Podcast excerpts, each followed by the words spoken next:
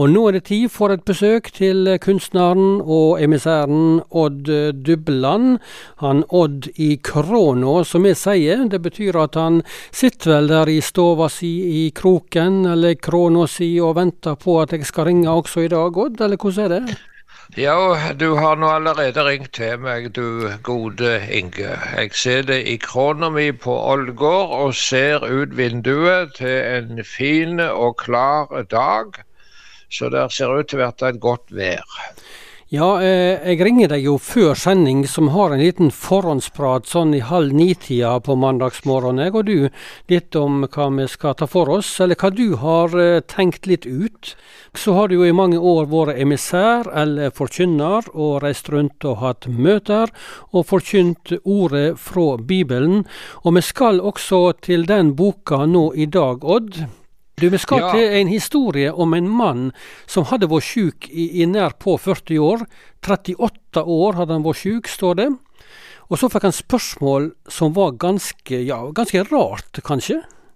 Ja, jo, det var det at uh, denne mannen, han, uh, han hadde lagt seg med en dam i Jerusalem. Og det var en dam som het Betesta. Det står om dette i Johannesevangeliet kapittel 5.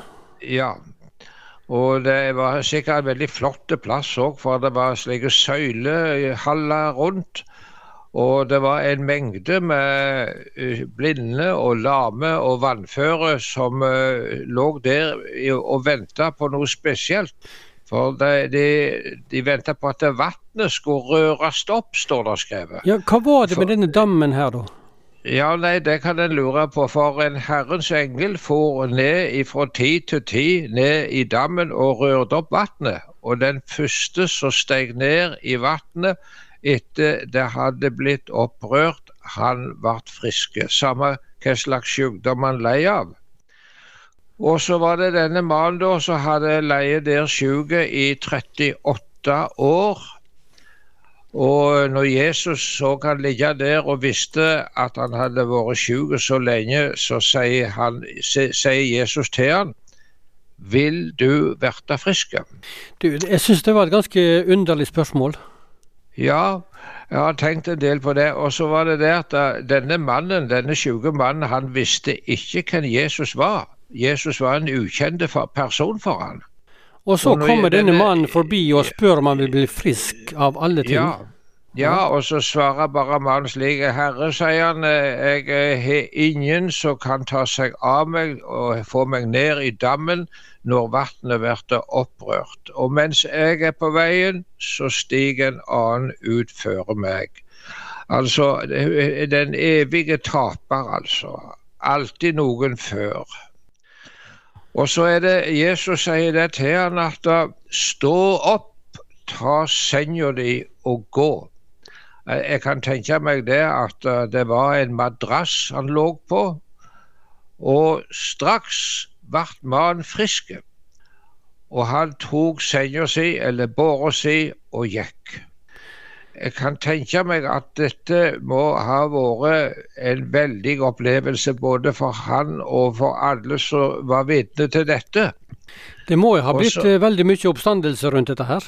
Ja, det var det. Og Jesus han trekte seg vekk med en gang og, og stakk av, rett og slett. Fordi at det var så mye folk, og Jesus ville ikke ha noe oppstyr om det, ser det ut som. Ja. ja. Men eh, det var dette her eh, Vil du bli frisk?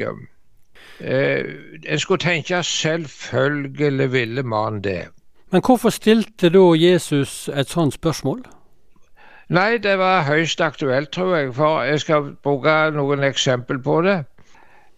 Det var et land i Afrika der det var en, del, en by. Det var en del spedalske der. Og så var det en dag de, komme, de fikk et tilbud, disse spedalske, at de kunne få medisiner som kunne helbrede dem. Men da de kom og skulle hente dem, hadde de stukket av alle, så å si. For de visste det at da ble de friske, så kunne de ikke tigge lenger. Tenk det du, Inge. Ja, det var litt eh, underlig, altså. Ja, ja, ja, jeg skal ta et eksempel til på det. det en, dette her er mange, mange mange år siden. Det var i en eh, behandlingsheim for rusmisbrukere. Det var her i Norge, det. Og det var folk som var alkoholiserte eller hadde slitt med alkohol, som var til stede. Og det var, det var en, en skulle ha et foredrag, en mann som en terapeut, eller hvem i verden det var, eller en lege som skulle ha et foredrag. Og det var 40 mann til stede på dette møtet. 40 mann som sleit med alkohol. Aha. Og så sier denne legen eller terapeuten hvis jeg nå hadde hatt en tablett eller en pille som gjorde at hvis du tok den, så kunne du aldri drikke mer. Hvor mange her er det som ville tatt pillen? Ja, hva var responsen på det? Av de 40 så var det to. De andre ville ikke ta den pillen. De ville ha rusen, men ikke bakrusen. Og det går ikke i hop. Så det var på så det var ikke så rart Jesus spurte det. Vil du bli frisk? Og nå er det kanskje eh, litt vanskelig å snakke om det. Det kan jo hende det at det er folk som vil ha en sykemelding når det passer dem. og nå skal en ikke mistenke de som har det vondt nok fra før, og det finnes de som går på arbeid som burde vært uføretrygda, kanskje. Men og vi skal være glade for at vi bor i et land der ingen blir tvinga på jobb når du er helseløse. For slik er det en del plasser. Men så skjer dette med denne lamme mannen da, som ligger der på denne senga si. Jesus sier det til han, ta senga di og gå og straks ble mannen frisk. Men så ser du det at det så kompliserte situasjonen, det var det at dette skjedde på en sabbat. Ja, altså jødene sin helligdag. Ja. ja. Så ser jødene det at det går en mann og bærer på ei seng. Nei, dette har du ikke lov til. Det er sabbat, du har ikke lov å bære senga di. Og det mannen han sier da at han som gjorde meg frisk, sa til meg ta senga di og gå. Og da spør disse jødene hvem er den mannen som sa du skulle ta båra di og gå. Men han som hadde blitt helbredet, han visste ikke hvem det var. For Jesus hadde trukket seg unna, for det var så mye folk der. For han kjente ikke Jesus, altså? Nei, han kjente ikke Jesus. Og Seinere så møtte han Jesus på tempelplassen og sier til han, nå har du blitt frisk igjen, synda ikke mer, det så sa, ikke noe verre skal hende deg. Det sa Jesus til mannen da? Ja. ja. Og nå kan jeg lure på hva som er verre enn å ha 38 års sykdom. Jo, det er til å tape sin sjel, det. Og mannen han gikk og han fortalte jødene at det var Jesus som hadde gjort han frisk. Og da ble det gale, da, for Jesus ble anklagt eh, av de skriftlærde, både det ene og det andre. Men det er et ord som Jesus sa etterpå da, så jeg vil ta med til slutt. Sannelig, sannelig, det sier jeg dykk, den som hører mitt ord og tror på Han som sender meg, han har evig liv og kjem ikke for dommen men har gått over ifra døden til livet.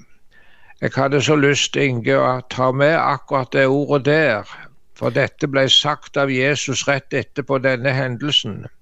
Jeg skal lese det en gang til. Ja, ta det en gang til.